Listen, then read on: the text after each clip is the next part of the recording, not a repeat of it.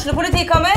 Ine Jansen er purk. Er du purk? The motherfucking bitch. Alt jeg vil, er å finne ut hva som skjedde med mannen min. Jon Carew. Er jeg sikta for noe? Iben Akeli. Det er du. Ole So, Lars Berrum og Big Daddy Karsten. Hvem sin side er du på, egentlig? Anette Hoff, Tone Danielsen, Kommer du fra Afrika?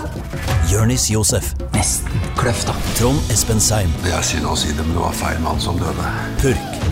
Premiere tirsdag på TV2 Play.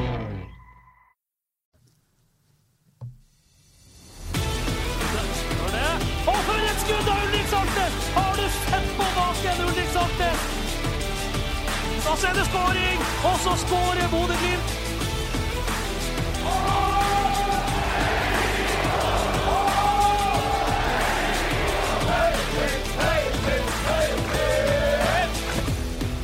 Vi gikk inn i helga med Bodø-Glimt på tabelltopp og tre poengs ledelse, og vi går ut av helga med Bodø-Glimt på tabelltopp og seks poengs ledelse. Velkommen til en ny utgave av Studio Glimt-podden mandag 23. oktober.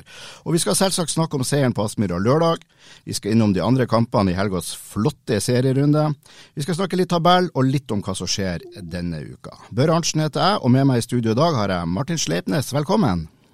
Takk skal du ha. Og her er Glimt-eksperten Trond Olsen. Velkommen til deg òg. Takk for det. Og selvfølgelig Glimt-eksperten over dem alle, Freddy Thoresen. Velkommen. Takk skal du ha. Det er ingen blå mandag i dag.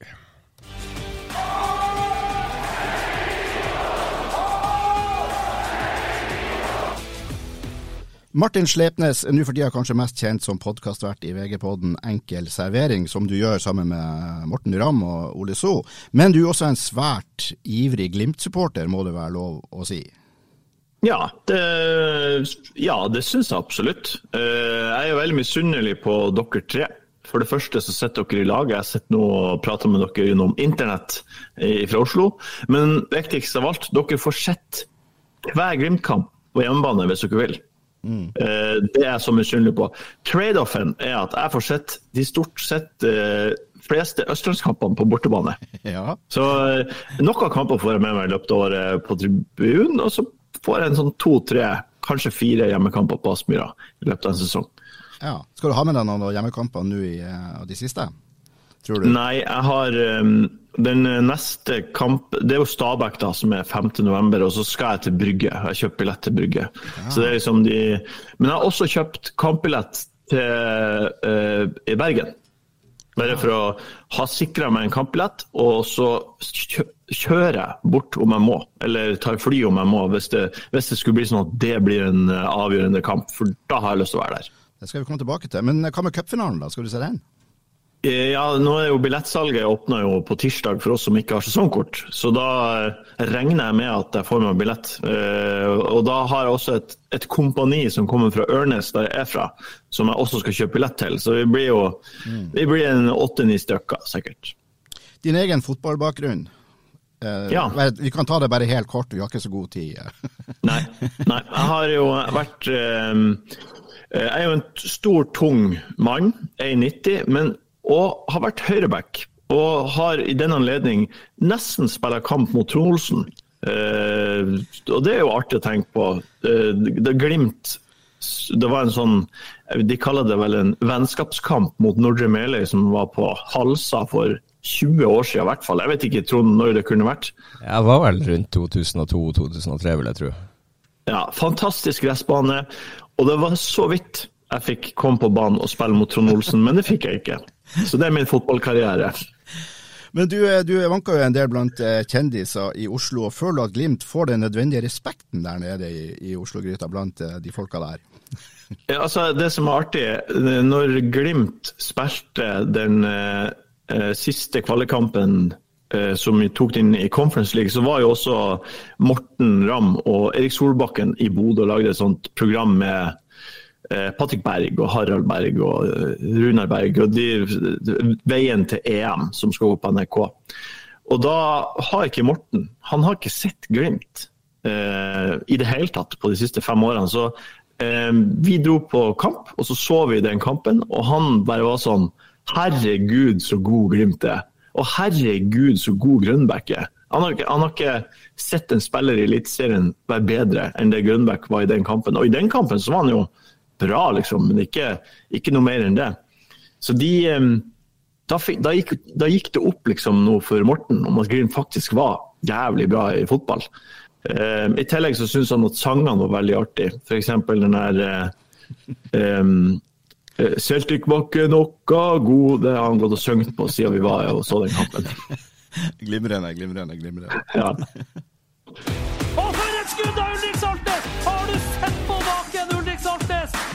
Da skal vi snakke litt Bodø-Glimt, nærmere bestemt eh, kampen på lørdag, som endte med en 4-3-seier over nedrykkstrua Sandefjord. Og, og Trond, var dette en seier med bismak? Ja, så absolutt. Um, jeg syns Glimt eh, starter godt. Slipper seg litt ned. Sandefjord tar ledelsen, og etter det så er Glimt veldig god ut første omgang.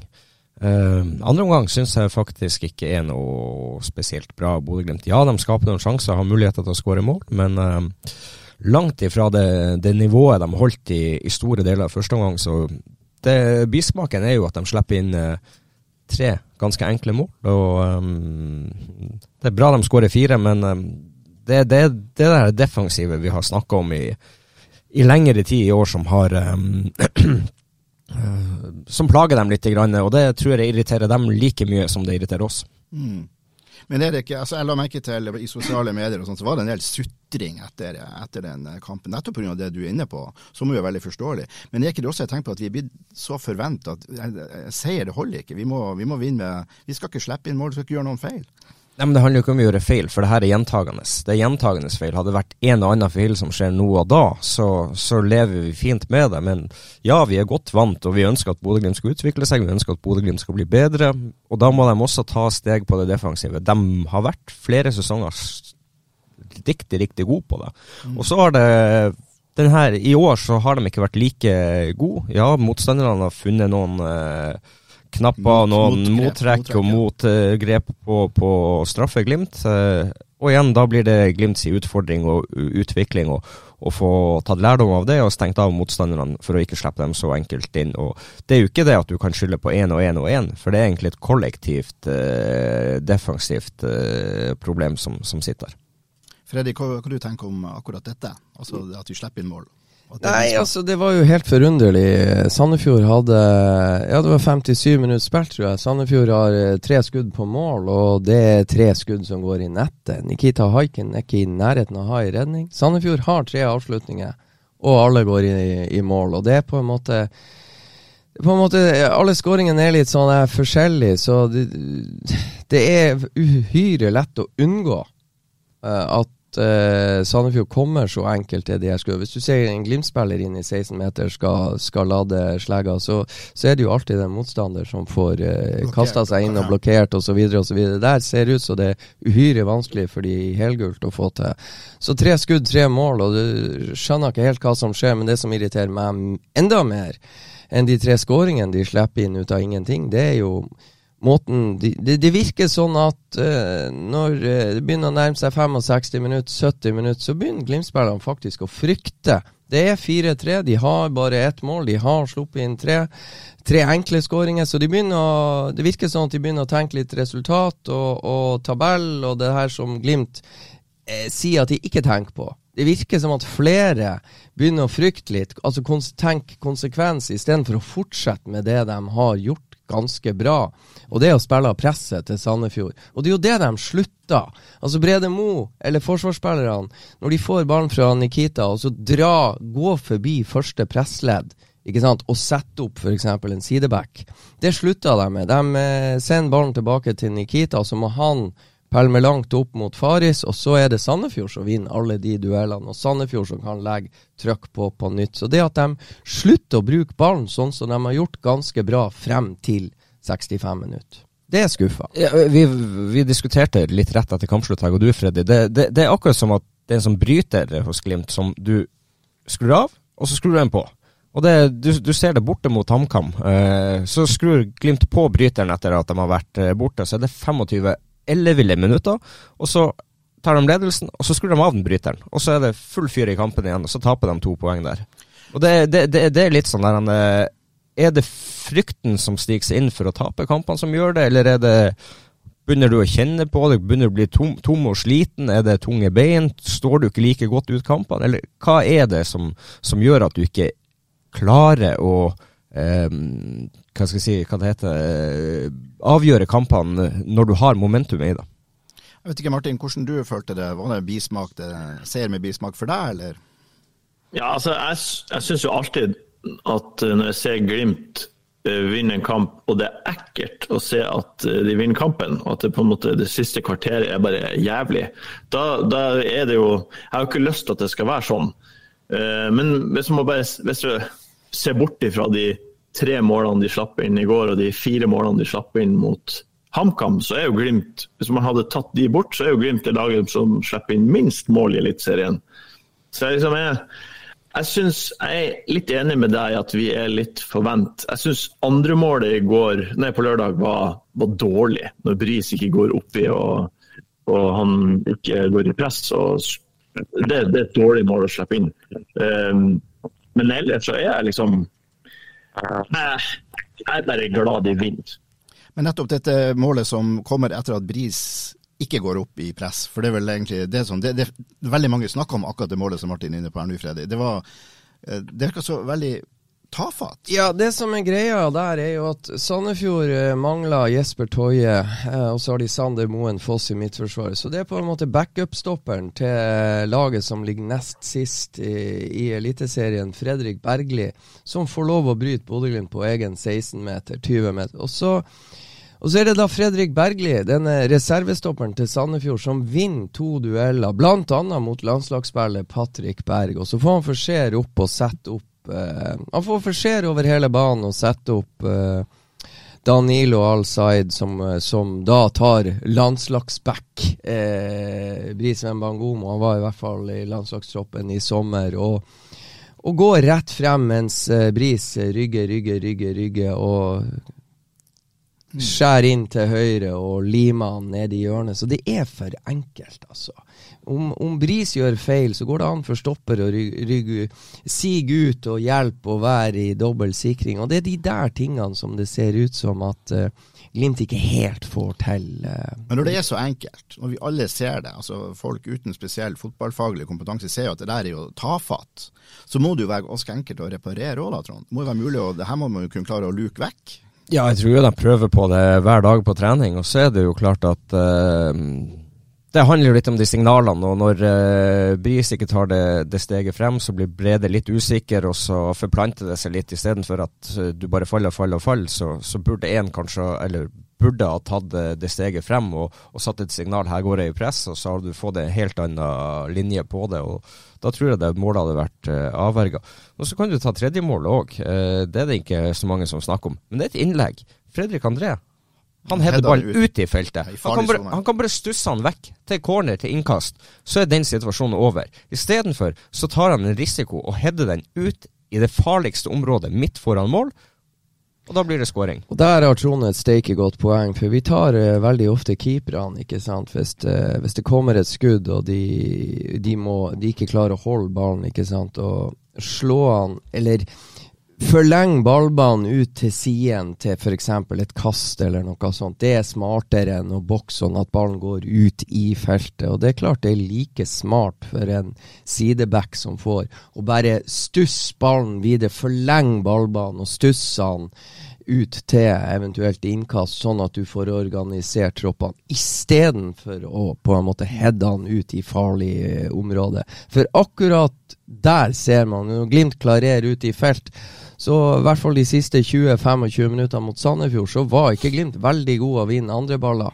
Det var nesten ikke én andre ball Glimt vant. Og tilbake til, til andreskåringa. Det, det er veldig lett å luke ut. Det er bare at Patrick Berg vinner den duellen som han er i stand til å vinne, midt på banen før Fredrik Bergli er i ferd med å sette fart. Så hvis Patrick vinner den, så er det jo ikke noe farlighet. Men nå tapte Patrick den duellen. Jeg vet da søren om det er at Patrick spiller med visshet om at neste gule kort, så må han stå over. Jeg vet ikke om det er det som gjør at han er litt forsiktig i enkelte sånne 50-50-dueller, men uh, Nei, det får jeg forhåpentlig for, for all del håpe at han ikke er. Og må Patrick stå over, så, så, må han det. Og da er det noen andre som kommer inn der og får ta den jobben. Og så det Du, du, du, kan ikke spille på halv maskin fordi at du er redd for en karantene. Nei, men det, og det, jeg, det tror jeg ikke han gjør. Nei, jeg tror ikke jeg heller. Men uh, jeg må bare si at mistanken er der. Men, uh, men uh, det er bare å vinne den duellen. For det, de vinner som regel Patrick Berg når han er påskrudd ni av ti ganger. Så det er bare så, så irriterende at det føyer seg litt inn i rekka, det der litt lesne som vi så.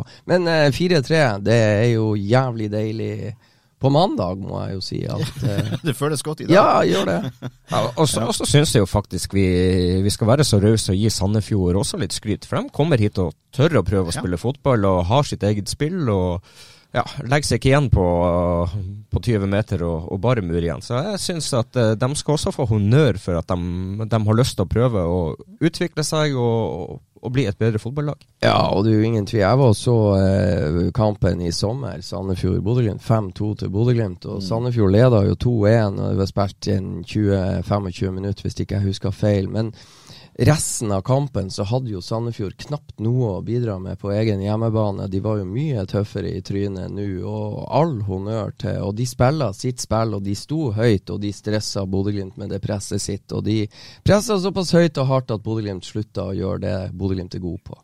I tillegg så har jo også altså Sandefjord vært ganske bra på bortebane. 0-0 i Bergen, 1 i Trondheim. De tapte 4-3 i Stavanger, så det var ganske speilkamp fra det de hadde mot Glimt. Tapt 1-0 i Tromsø, og så vant de i Oslo i Vålerenga 3-2. Så liksom, på bortebane så er de, virker det som at det er et bedre lag enn de er på hjemmebane. Jeg satt litt med følelsen at eller jeg synes det var rart at Sandefjord er et bunnlag. Altså Måten de spilte på på Aspmyra nå på, eh, på, lørdagen var egentlig ganske bra. Jeg var litt eh, smått imponert over dem. Ja, det er sånn klassisk eh, Hvis ikke jeg tar feil, så tapte Sandefjord 1-0 hjemme mot eh, HamKam før de tar turen opp mm. til Bodø. Og Det er jo det som er problemet tror jeg, til lag som Sandefjord. De kampene de må vinne hjemme mot mm. eh, tabellnaboer, de har de en tendens til å tape, også bort på bortebane.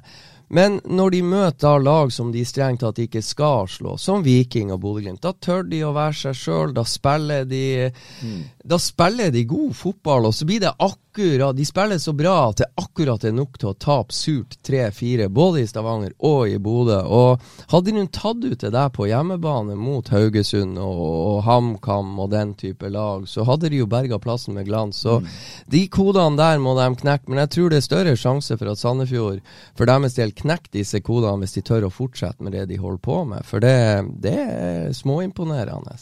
Men bare avslutningsvis om forsvarsspillet til Glimt. Det er jo ikke mer enn en serierunde siden vi skrøt de opp i skyene etter forsvarsprestasjonen deres mot Molde Men jeg husker. Ja, så når jeg så Molde mot Brann, så satt det jo Og da, da, var jo ikke Molde Molde stinka jo i Bergen på, på, på Vi skal tilbake til den kampen senere. Ja, altså, forsvarsspillet til Glimt mot Molde var ja, jo bra. altså det var jo kjempebra, men Det var et, litt, annet, lag òg, da, må, må, du huske på, på banen. Uh, det må du òg se på sammensetninga av laget borte mot Molde, og sammensetninga på laget nå eh, mot, Sandefjord.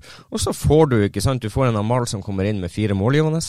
Mm. Det hadde du ikke der, men du har en uh, Grønbæk på kant, og du har en Fet på midtbanen med Ulrik og en uh, Patrick. Kanskje en bedre balansert midtbane med litt hjelp fra, mer hjelp fra kantene defensivt. Så det, det er litt forskjell uh, fra kamp til kamp, så du kan ikke bare si at uh, Ja. Det, la, men la oss, mål, la oss snakke om målene i stedet, som Glimt. Altså, vi har jo eh, Pellegrino med fire målgivende.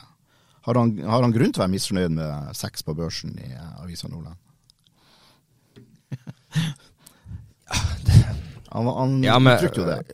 Ja, ja, ja, kanskje han skåret sju. Eh, diskuterte det litt med Stian òg, at eh, du blir kanskje litt blenda ut av det. At han har en fantastisk førsteomgang og så en mindre god andreomgang.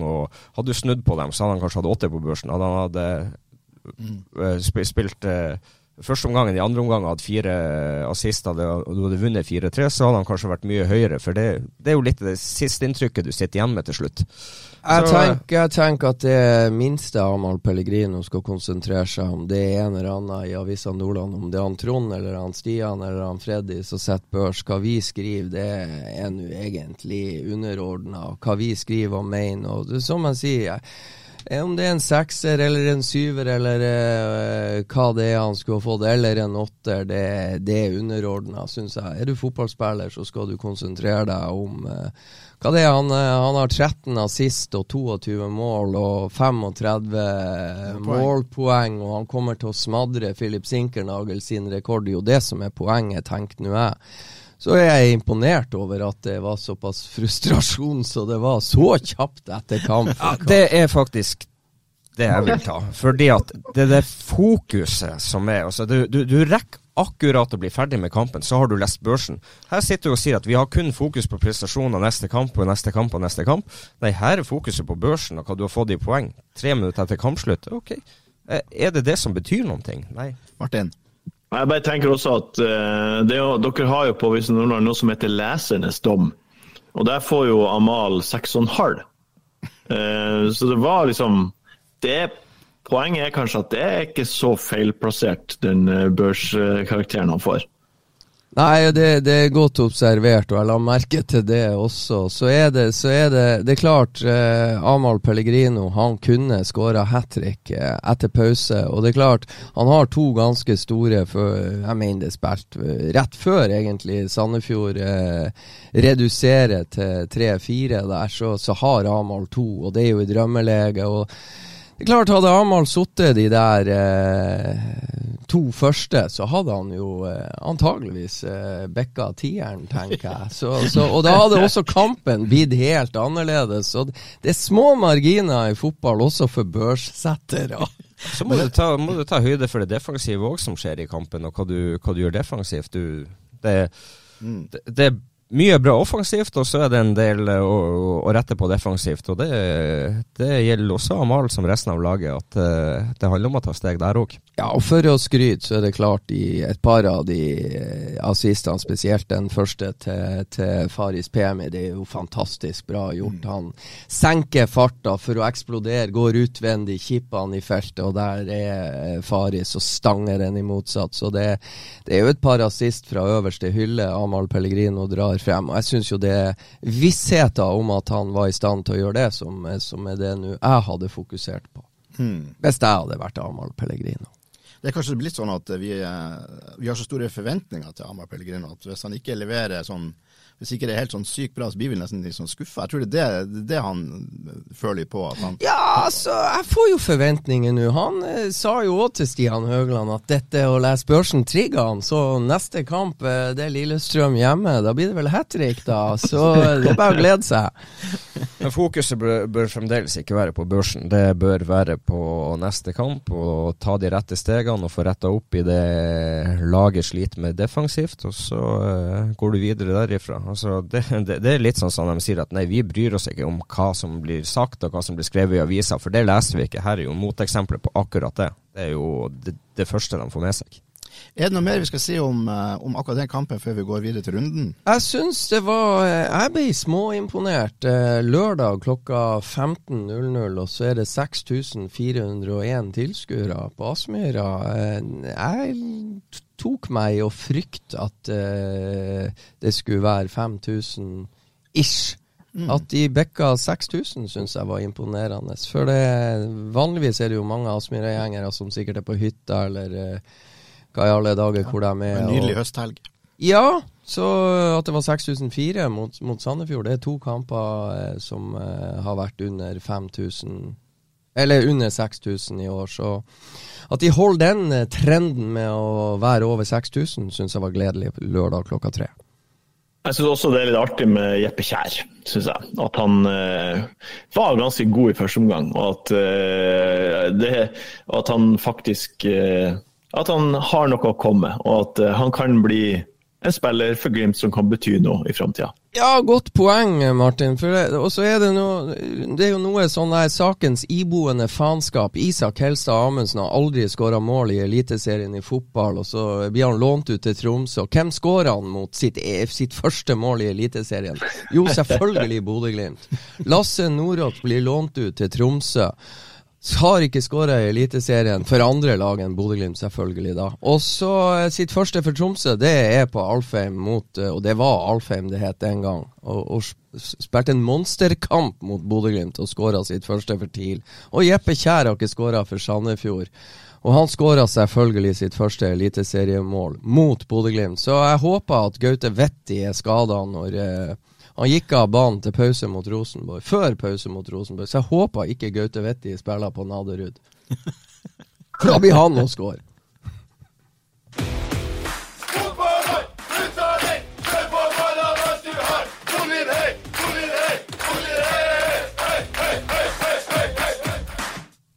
Runden, gutta.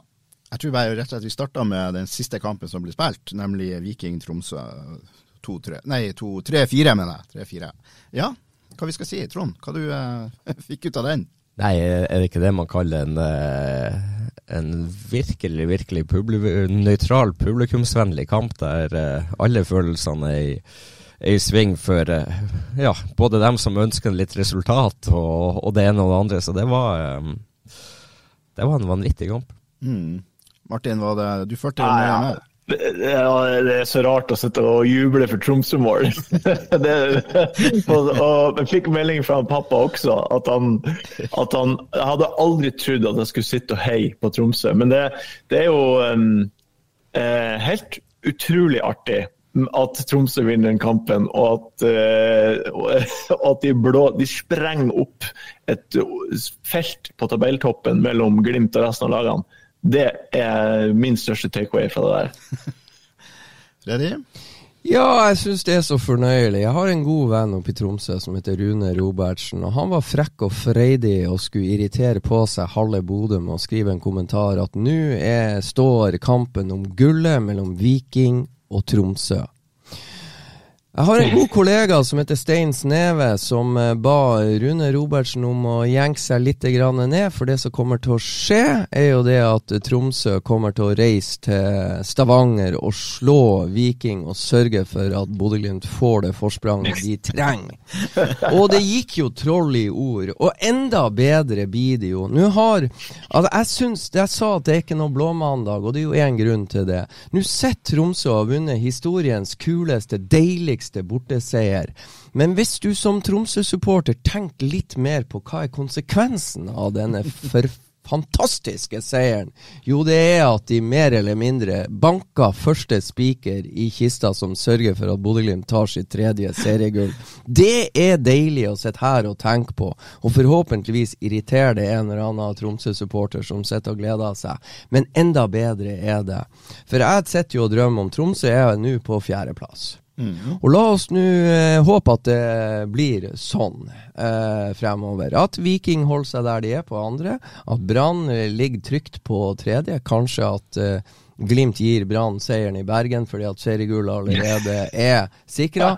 Men konsekvensen av det er at Tromsø har da ett håp om å få seg europacupspill. Det er at Bodø-Glimt skal slå Molde i cupfinalen. Mm. Så tenk hvis hele Tromsø sitter og heier på Bodø-Glimt og håper på Bodø-Glimt!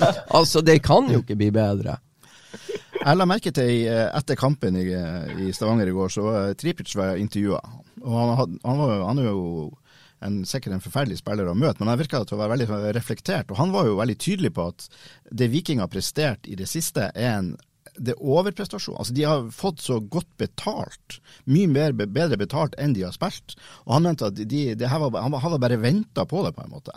At Viking hadde, de hadde hatt stang inn, full, vanvittig flyt, og han hadde følt at de hadde de, vi, var, vi, er ikke så gode som resultatene har vist, seg, omtrent. Jeg vet ikke hva dere tenker om det, Trond?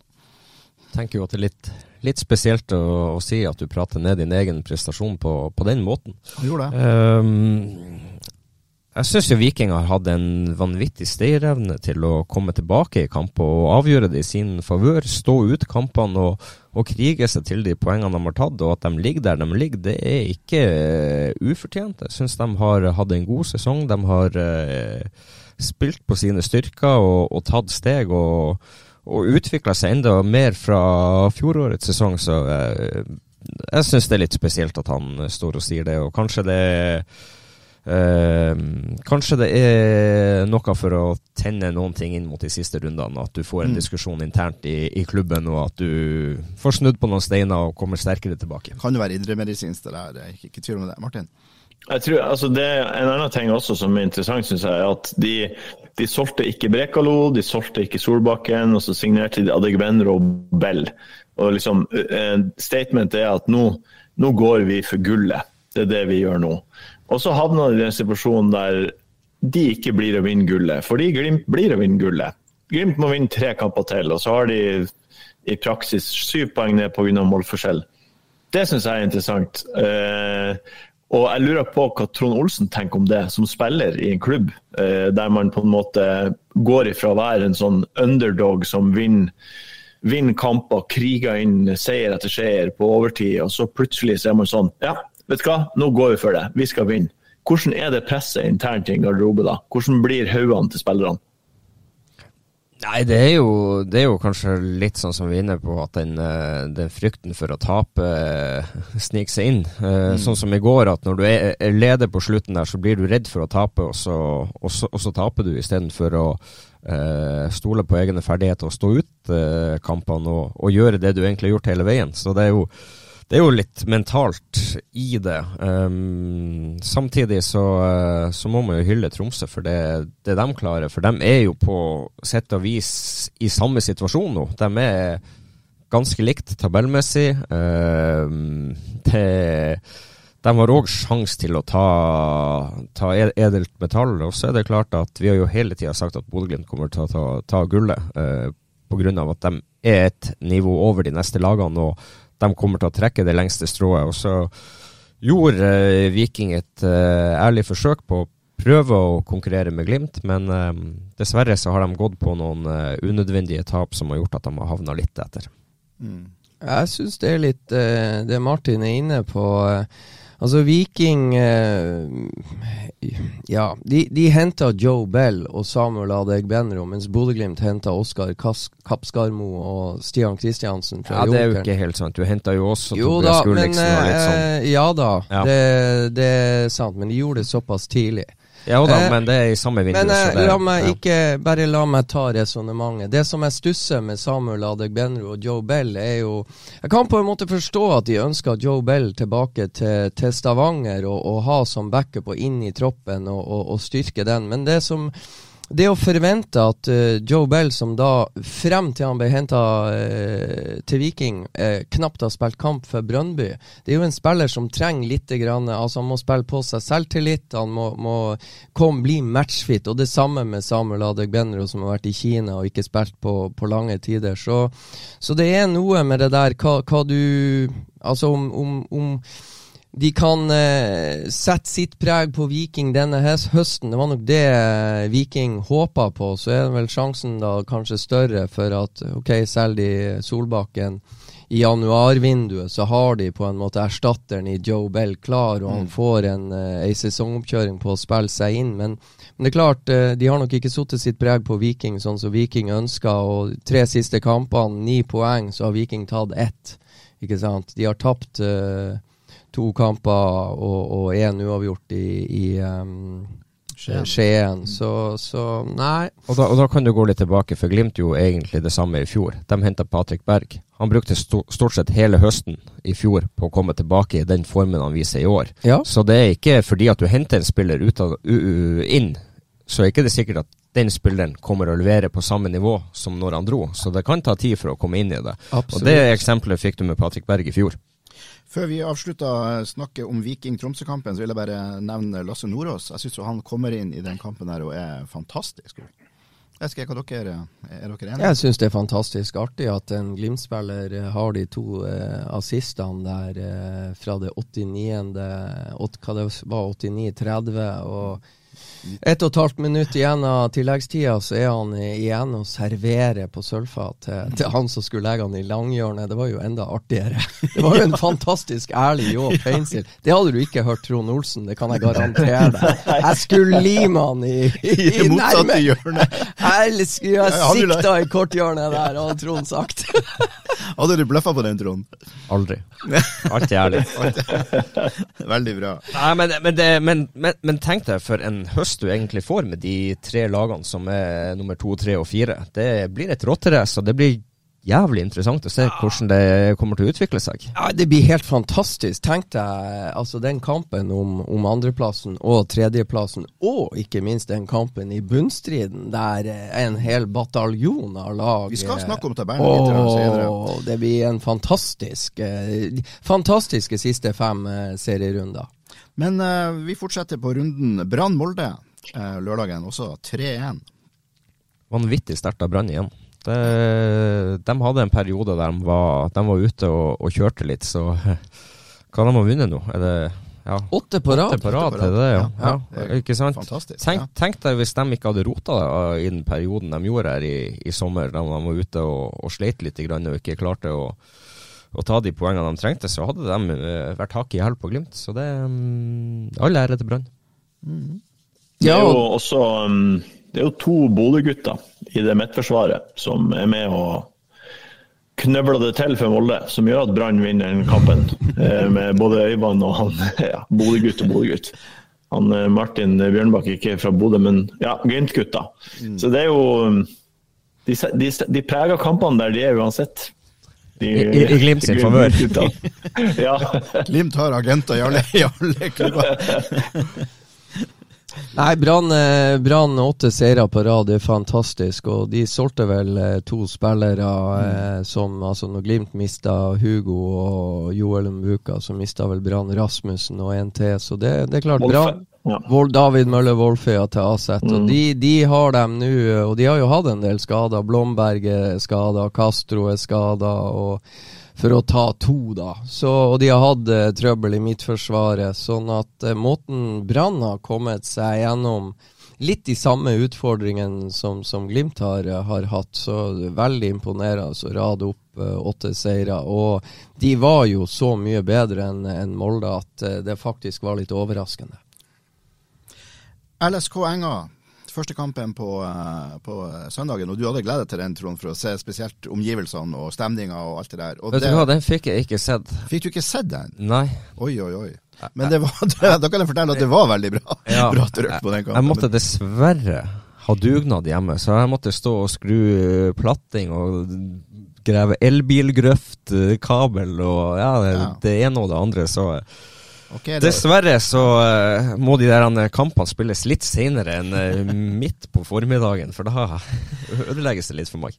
Fikk du med deg Hva syns om, ja, bare, hva dere syns om banneret uh, som de henger opp rett før pause, som, med den hengte bakke, rottebakke? Jeg har registrert at i VG i dag så er det en ganske hard kommentar fra Leif Welhaven om ett sted må grensa gå.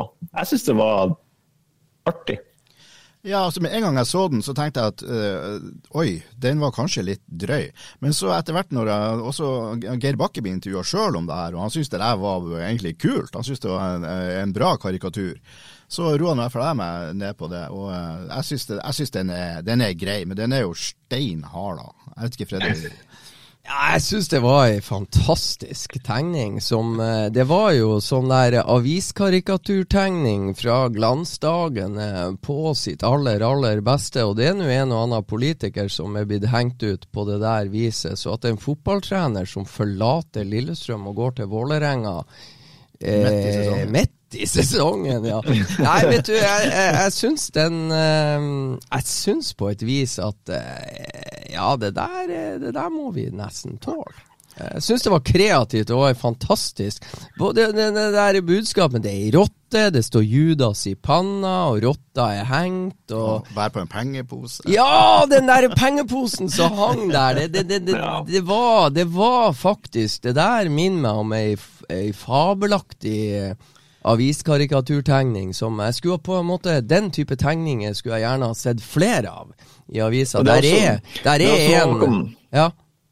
Nei, beklager. Det, det, er også noe med tidspunktet den kommer på, rett før pause. Alle, ja. Nå skal alle inn i den tunnelen. Det går ikke an å ikke gå forbi det. Han må, se, han må se den hele veien mens han går over banen. Ja, altså, timing is everything. Ja, det var, var dramaturgien der var forbilledlig. Og hvis det er noen som Altså, man kan jo irritere seg over kommentarene til Rune Robertsen oppe i Tromsø. Hvis man ser de tegningene som er med kommentarene til Rune Robertsen, så sitter jo en tryllekunstner oppe i Tromsø og tegner litt, grann, som er så Og av og til, disse tegnerne, de, de, de treffer så steike spikeren på hodet at det er ikke noe vits å ha noe tekst, for tegninga er så jævla bra.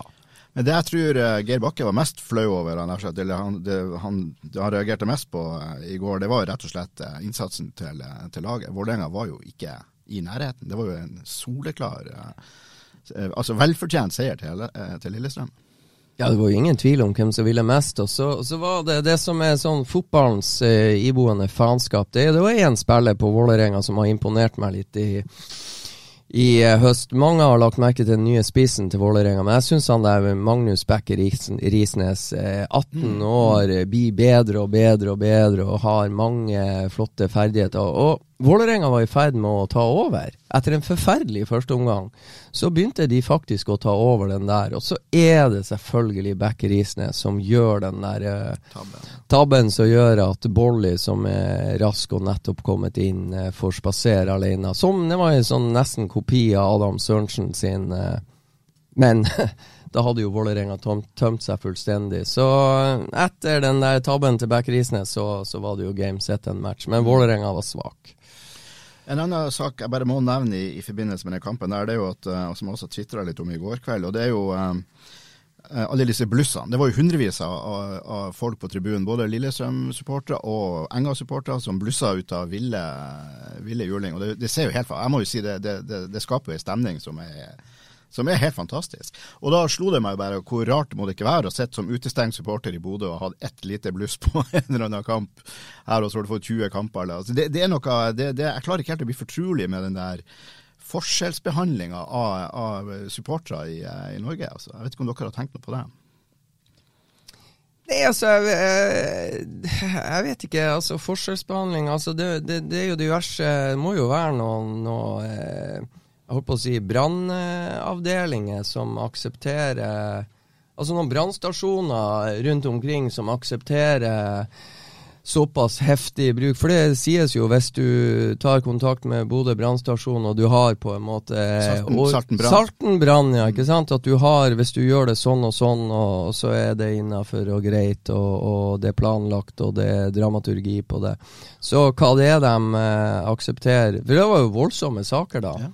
Og så er det jo sånn, vel både kamp, første omgang og andre omgang det, det, Folk klager på VAR, og, og, og, ting tar tid. Og ting tar tid men det er jo litt sånn utsettelser her og der, så det, det ser jo jævla stilig ut. Men eh, ja, hvordan, hvordan det der er lov, det skulle, skulle man jo gjerne ha likt å visst svaret på. Men, men, det er jo så enkelt. Hvis, hvis klubben, i dette tilfellet Bodø-Glimt, eh, har eh, retningslinje på der at det ikke er lov til å blusse, blusse på Aspmyra, eh, så må man dessverre som supporter bare forholde seg til det. På akkurat på samme måte som du kjører på rødt lys, så må du ta konsekvensen av det. Så det er ja. Dessverre så er, så, så er, det jo litt sånn. Det, det, er jo sånn at Norges Fotballforbund har jo sagt, sagt, at skal, eh, har jo sagt at klubbene skal være veldig restriktive med bruk av bluss. Ja, restriktiv, men uh, det ja. har ikke sagt at det er jo, Glimt mener at de er den eneste klubben som følger opp de, de retningslinjene der. Og, Glimt, og I Bodø er det jo også ei dobbeltstraff. Du får jo, Politiet er jo ivrig å bøtelegge, klubben er ivrig å utestenge. Men jeg tipper det er ikke mange av de 100 eller 200 eller 300 som blussa på Åråsen i går, som kommer til å få noen særlig mer reaksjoner. Det må vi for, for øvrig følge opp. Freddy, skulle du si noe? Ja, altså jeg var og så Bodø-Glimt 2 mot Steinkjer i ja. år, og der var det Masse bluss. Ja, det var, det var en som var kjempeivrig, som, som sto og blussa. Det var ingen som tok av. Det var 100 stykker som var på ja, kamp. Og, det der er de ivrige, dedikerte, dedikerte ultrasupporterne ja. som er utestengt fra A-laget sine kamper, men kan komme og blusse når andre laget spiller. Det er så godt gjort. Jeg er full av imponasje. Ja, men, men, men når det skal være sagt, så jeg syns jo det er kult med, med, de rammene du får rundt det, og at du får det trøkket og alt der, men dessverre så har nå Bodø-Glimt valgt å, å, følge ei linje. og Vi kan ikke vi, Ja, vi, vi, vi kan ikke tvinge dem til å endre noen ting hvis de eh, har valgt det. Men jeg må si det sånn at uh, hvis Bodø-Glimt har gull i 2023, så lever jeg uhyre godt med det. Altså Det gullet tror jeg er viktigere enn bluss. Wow. Ja, men I det- mitt det- hode. Bare sånn. Vi går videre. Rosenborg-Stabæk 1-1. Noen som har noe å si om den, Den kampen eh, fikk jeg eh, De fleste sånn femkampene det sitter jeg og ser på eh, fotball direkte. Så da jeg har ikke noe eh, Det er jo det, er, det her er jo nok Rosenborg sin største frykt, men det er litt sånn uinteressant. Hvis du skjønner hva jeg mener. Det, man vil eh, Det er bedre fordi å bli pratet om i dårlig ordlag enn å ikke bli pratet om i det hele tatt. Og det her er hva man skal si. NN. Hvem bryr seg? Ja, og så sa jeg jo i forrige podkast hvem kom til å skåre for Stabæk. Jo, det, du var veldig Ja, presis ja. der. Ja. Så det, og, det, og det, er jo, det, det er jo akkurat det samme som vi snakka om i stad. Det er av sine egne man skal ha det, og det var Norsaga Bakenga selvfølgelig som, som skårte der. Ja, Det som jeg sitter igjen med Jeg synes på, altså Ole Sæter han er jo med hver eneste gang og blir intervjua etter kamp, og han syns altså i går at det er så mye kritikk av Rosenborg. og eh, jeg syns jo på en måte et lag som før sesongen skal kjempe om medalje, ligger på tiendeplass og, er- og er Norges største klubb. Norges største klubb ligger på tiendeplass. Hva annet forventer du enn å få litt kritikk? Jeg syns jo det ligger jo i sakens natur når Rosenborg er på tiendeplass. Da blir det jo kritikk all the way. Det må du nå leve med når du er i Norge, når du er spiss i Norges største klubb, beste klubb, som Ja, det begynner å bli 30 år siden sist gang de var så langt unna.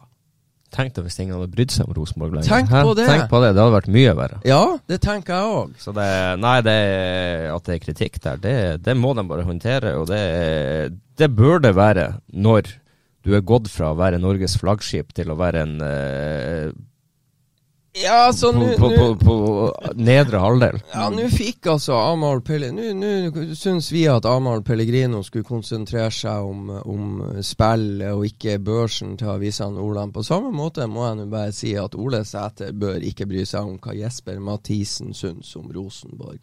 De bør bare gå ut og jobbe med å bli bedre til det de faktisk skal gjøre. De er på tiendeplass. Det er jo skandaløst. Det jeg la merke til i den kampen, som, og det var, da, da hadde jeg jo Glimt sin bortekamp mot Stabæk i, eh, i, i bakhodet. Og jeg syns Stabæk eh, Jeg synes faktisk de har eh, De er blitt vesentlig bedre etter trenerskiftet. Altså. De er, på- det der behøver ikke å bli noe lettkamp i det hele tatt. Og- Nei, det behøver ikke det å bli noe lettkamp. Men det som, det som Altså, jeg er jo spent på eh, Naderud-gresset, som da er blitt kunstgress. Det, Mm. det tror jeg kan utjevne en del ting. Som har vært en utfordring for mange lag som kommer til, til Naderud. Men for Stabæk sin del, ikke sant? de kan trene på kunstgress, spille kamp på kunstgress. Og det jo, har jo vært en del av problemet til, til Brann også.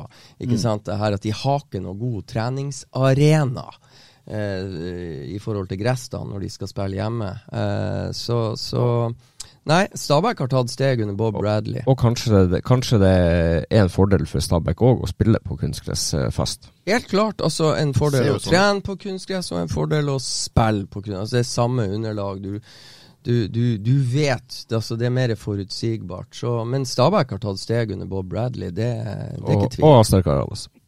Ja. Azar Karadas. Ja, jeg tror han også er en, Ja, ja. en, en, En dyktig, en, en dyktig eh, assistent å få inn der, og eh, en som uh, kan være med å løfte Stabæk. Vi skal være obs på den kampen i alle fall. Bare kort dra de, de tre siste som vi ikke har snakka om nå. Det er altså Ålesund-Sarpsborg 3-2. Det er jo fantastisk av Ålesund, må vi kunne si. De har jo plutselig fått et aldri så lite håp, selv om ingen som egentlig tror noe særlig på det. Men de, de slår nå iallfall Jeg skal jo innrømme at det var fantastisk artig å sitte i Nederland eh, etter at Bodø-Glimt hadde Ja, Bodø-Glimt leda vel 3-1 på det der tidspunktet i Molde, og så tikka det inn ei skåring på, på overtid oppe i Romsa. og Ja. det var jo- Altså, Ålesund hadde før turen til Tromsø elleve turer på bortebane og tapte alle. Og så står de med én seier, og det var, det var oppe i Tromsø. Og så drar Tromsø til Stavanger og vinner 4-3. Nei, altså, fotballen er Ja, det er forunderlig. Men det, det, det er jo fryktelig artig. Og eh, Sarpsborg er jo et lag som har imponert meg i høst, og, og eh, de så jo eh, Ja, altså, de var jo i perioder, de hadde jo sjanser i en annen verden, men eh, Ålesund klarte på merkelig vis å vinne. Eh, og artig vinnermål. Men hvis det er noen Altså, ei av rundens skåring er jo han der Kristiansen, eller Kristensen, hva han heter. To eh, Utligning Nei, 2-1-skåring eller et eller annet sånt. Han eh, Ja, 2-1. Ja. Kristensen. Bjørn Martin. Ja. ja, fytte rakkeren for ei vending der Mm, på fem, hjørnet av ja, ja, femmeteren. Og så bare køla han med venn. Ja, fantastisk gjort. Og han ble henta fra Grorud. Det er en luring. Fotrapp fyr. Uff. Flott skåring. Fortjente tre poeng bare av den. Godset Odd 3-1. Skåring av Elias Hoff Melkersen. Ja, det var det. Det var jo skøy. Stupheading. Flott 17-åring til velde. Fantastisk. Det var veldig artig. Det, det var jo som å se Bodø-Glimt forsvare. Altså, rygge, rygge og la han stå og sikte på 22 meter og Mm. hamre han ned i hjørnet. Flott skåring av en 17-åring eh, som eh, Visk han har i seg. Men det var vel beste laget som vant, hvis ikke jeg tror Strømsgodset var hakket bedre enn Odd eh, jevnt over eh, etter en god Odd-start. Og så den siste HamKam Haugesund eh, 0-3, og det var jo imponerende sterkt. Kan jeg få lov å ta en liten Altså Dag Eile Fagermo syns jeg gjorde en god figur i TV 2-studio i går. Men den ene sjansen Odd hadde etter eh, Altså i andre omgang, jeg tror de hadde ett skudd. Flott redning av Viljar Myra. Fagermo kalte han to eller tre ganger for Dennis Gjengård. Det var jo Mikael Nore Ingebrigtsen. Det burde den tidligere Odd-treneren eh, Fagermo ha spotta. Men når du nevner Fagermo, det som slo meg i hans opptreden i går i Fotballekstra, både før og etter, eller under og etter kamp, det var at han, jo, han satt jo egentlig og, og søkte på jobben som Rosenborg-sjef. Han la jo ut eh, hvor offensivt fire Du må spille med fire bak, ikke fem. Du må underholde. Han hadde jo masse gode planer som måtte være som Ja. Skikkelig flott å høre. Tror du, tror du de biter på? Det hadde vært artig, da. Ja visst hadde det, Det hadde vært vært gøy. artig. Ja. Det må vi jo innrømme. Altså, jeg vil anbefale Rosenborg. eh, jeg synes det var, det var flere ting som var fornøyelig med det der, og, og eh, Fagermo har mye bra med seg. Men altså, hva det var det? var Stabæk hadde bytta trener og fått på en måte effekt med en gang, og Ålesund er nå to seire. Det var bare én klubb som ikke hadde fått det. det var vår det. Ja, det, det er herlig faen være. Men han, han konkluderte med at det var, det var ikke helt bra før det ble skiftet heller, så det var mye morsomt.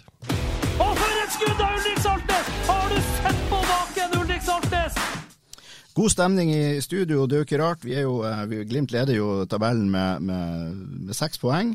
Og dere snakker jo nesten som om at gullet er Her er det, her er det spiker i kista, her er det gull og Jeg har ikke sagt, jeg har ikke sagt et Nei, men. Martin og, og Trondal Ja, synes jeg har vært, Trondal har vært klink siden i mai. mai Ja. altså, men, men eh, jeg har jo bare én ting, og nå, nå, og nå må det gå inn. For det, det seriegullet det skal sikres på Aspmyra Den 12.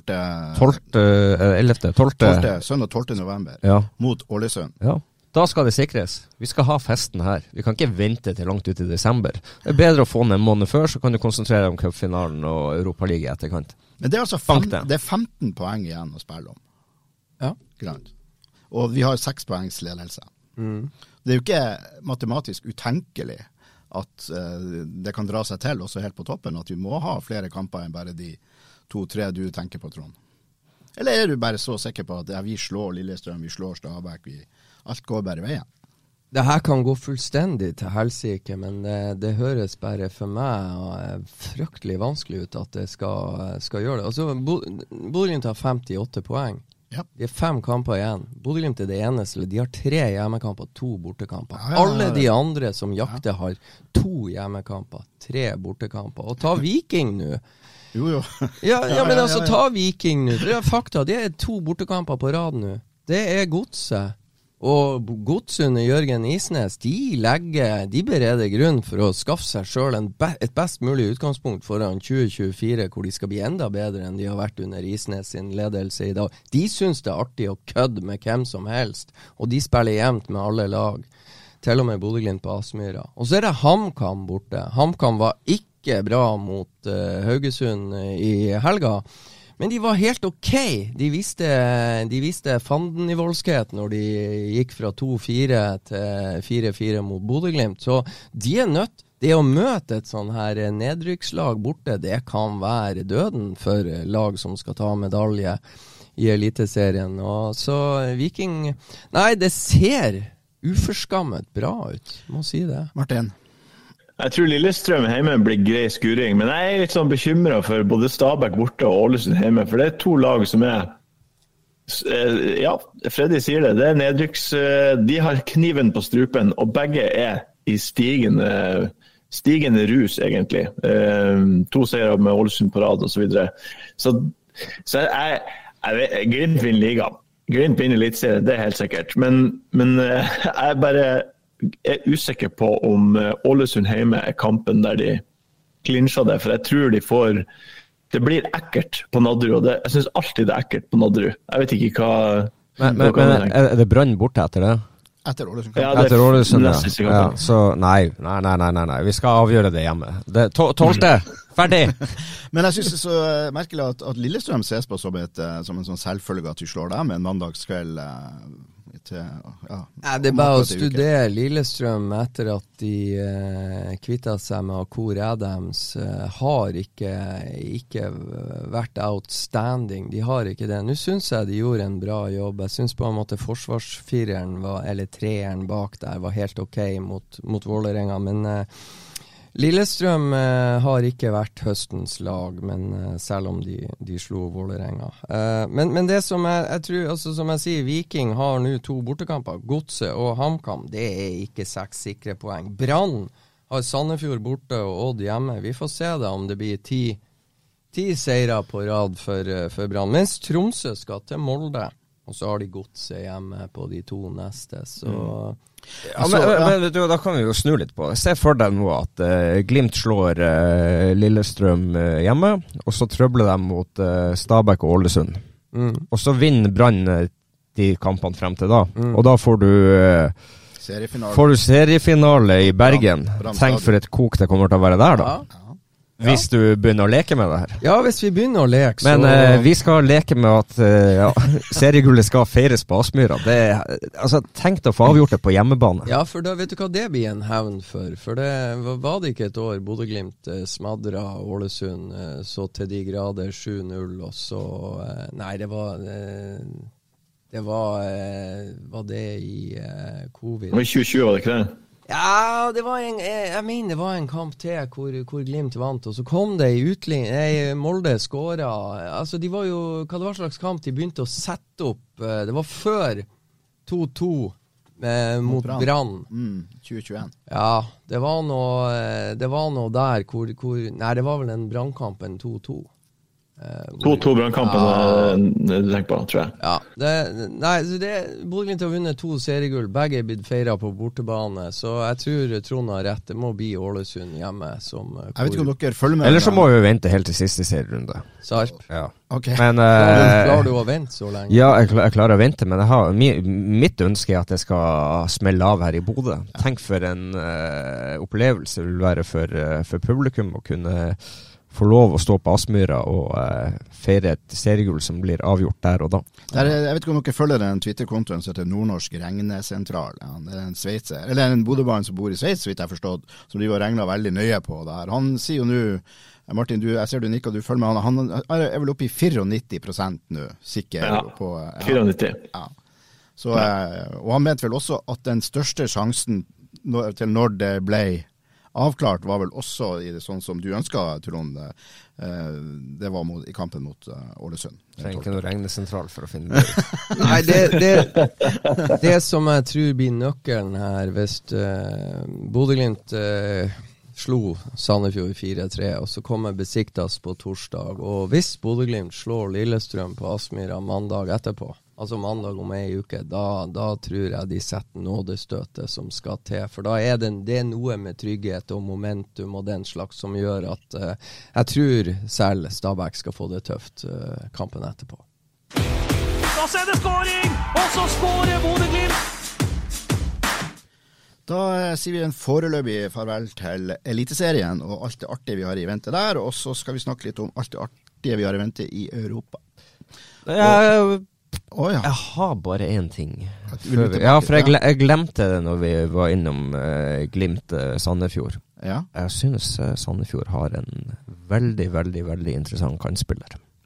Som Som, du- eh, du kanskje Glimt bør eh, ta en liten titt på. Eh, Og det er han eh, Danilo. Danilo Al-Said. Okay. Han har uh, tosifra antall mål. Han er frekk, han er freidig, han har litt fart. eh. Lurer på om det kan være en spiller som kan være eh, Ta de rette stegene og bli enda bedre i Glimt. Håvard Sakariassen, du fikk nå herved beskjed om hvem du skal, hvem du skal jobbe med. Men Freddy, torsdag, da er det klart for eh, Besiktas. Mm. Og um, på den tabellen for øvrig, hvis vi skal snakke om tabellen På den tabellen, der ligger, vi, der ligger vi sist. Der ligger vi etter to kamper, da. Så er vi jo eh, nederst på uh, i eh, conference-tabellen. Ja, for å ta det som ikke er fullt så bra, så, så jeg syns på en måte I gruppespill eh, Det første gruppespillet til Bodø-Glimt i Conference League var jo en, en evig fest. Eh, Etterpå det så syns jeg ikke Glimt har eh, på en måte sjarmert like mye som de gjorde i debutsesongen. For eh, 1-1 borte mot PSV Eindhoven er etter min vurdering den siste solide kampen eh, Bodø-Glimt har gjort. Og det var jo da første kamp i Europa League i fjor. Etter det har det vært litt sånn Det var et svakere PSV-lag som kom til Aspmyra og vant 2-1. Leda 2-0 helt til Nino Sugell kom inn og, og skåra. Så eh, jeg håper at eh, Bodø-Glimt skal få det til å svinge litt. Eh, og det kan de få til eh, mot storklubben Besikta, som tryna.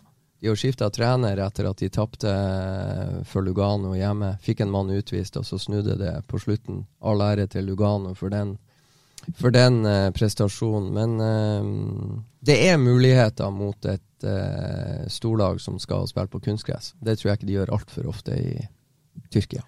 Nei, jeg tror Ja, så er det jo nullføre oppe i Bodø, kanskje på den torsdagskvelden. Så det blir jo Jeg tror det blir ekkelt i utgangspunktet for de å komme dit. Og så er det jo Jeg tror navnet til det laget er større enn hva de er, selv om de har masse gode spillere. Så jeg, har ikke Glimt en fair sjanse her, da?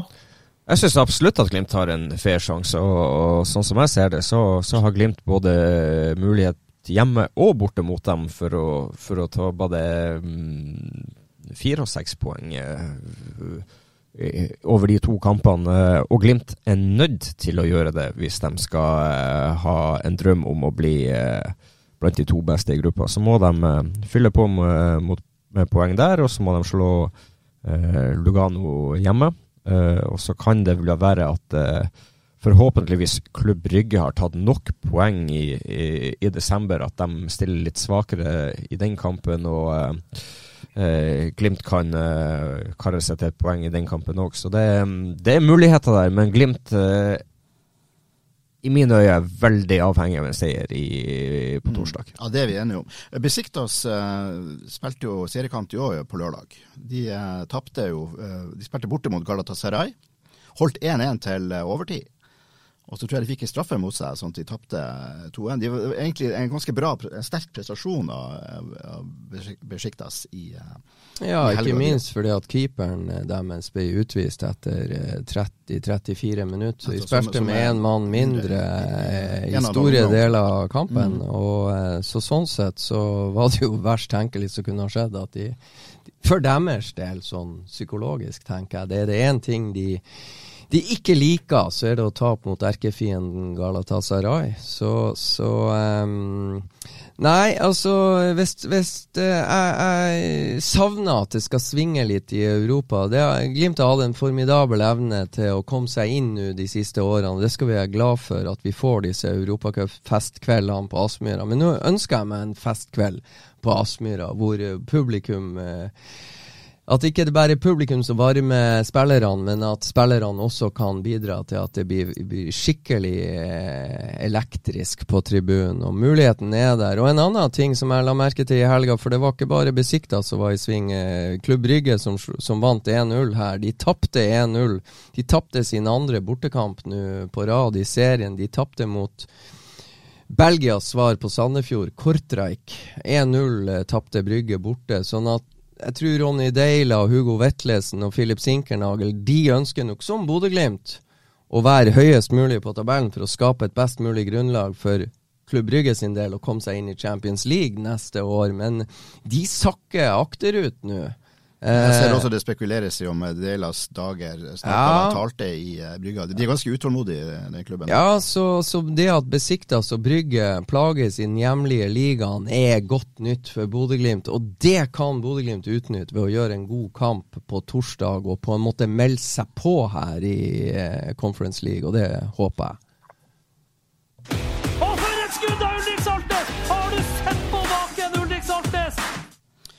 Da har vi bare ett punkt igjen på dagens dagsorden, og det er eventuelt. Trond, jeg vet ikke om du har noe du vil eh, skyte inn eh, avslutningsvis? Ja. Du pleier nå ofte. Ja, ja. Vi, vi fikk vel uh, KM-finalefinalisten vår i, i går. Det ble Mosjøen 2, så da blir det et uh, rotterace på For, eh, for, eh, i SKS. eh, Er du sklidd Arena. over i værøymeldinga? Selvfølgelig er det. Ja. Det var jo aktuelt. Kan, kan jeg få lov Kan jeg få lov å For det er veldig bra.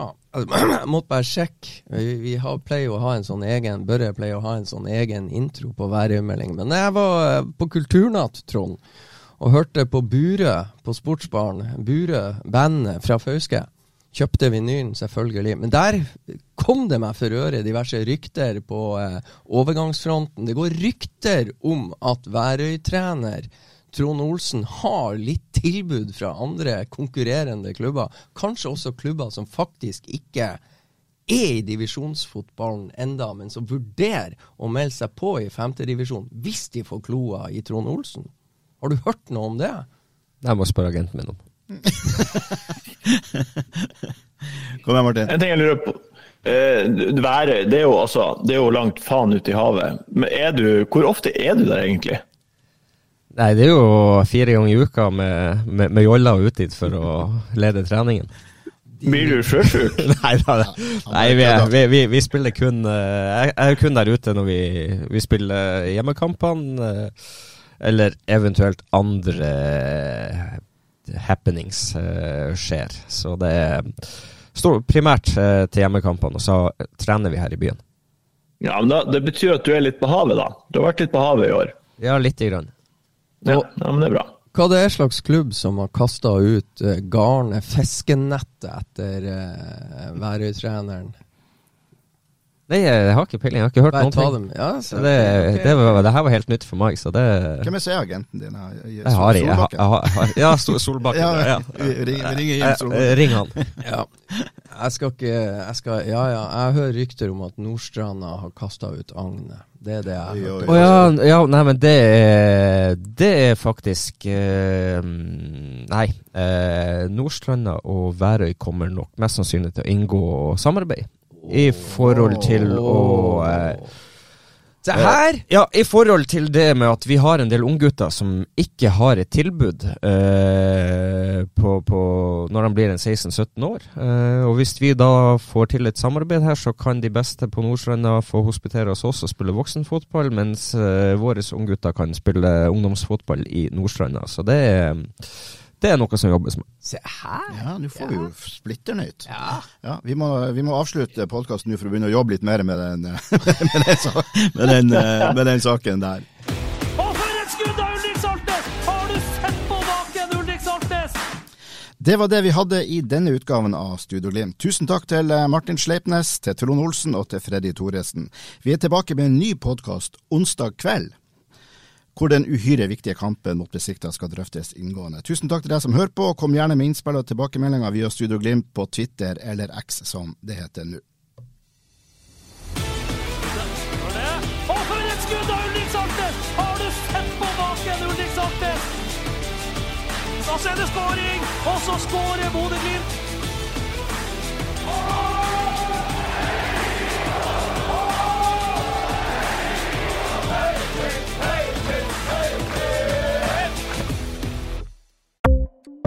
Ukens annonsør er HelloFresh.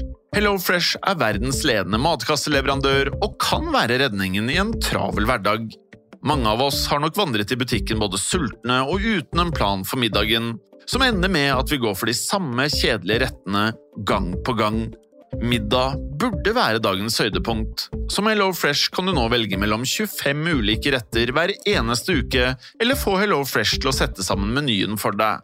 Dette gir deg muligheten til å prøve nye og spennende retter alene eller sammen med familien. Du velger antall porsjoner og får alt levert på døren på et tidspunkt som passer for deg. Oppskriftene er enkle, og maten er lett å lage både for store og for små. Ved å få alt levert hjem får du også mer tid til å dele matgleden med familie og venner. Kanskje det frister med asiatiske tacos eller greskinspirert kylling? Da kan jeg anbefale deg om å gå inn på hellofresh.no. Her kan du bruke koden FOTBALL og få opptil 1779 kroner i rabatt på de første fem matkastene hvis du ikke har prøvd Hello Fresh tidligere. Du kan også bruke rabatten hvis du har vært kunde og stoppet abonnementet ditt for tolv måneder siden eller lengre. Gå inn på hellofresh.no og bruk koden FOTBALL.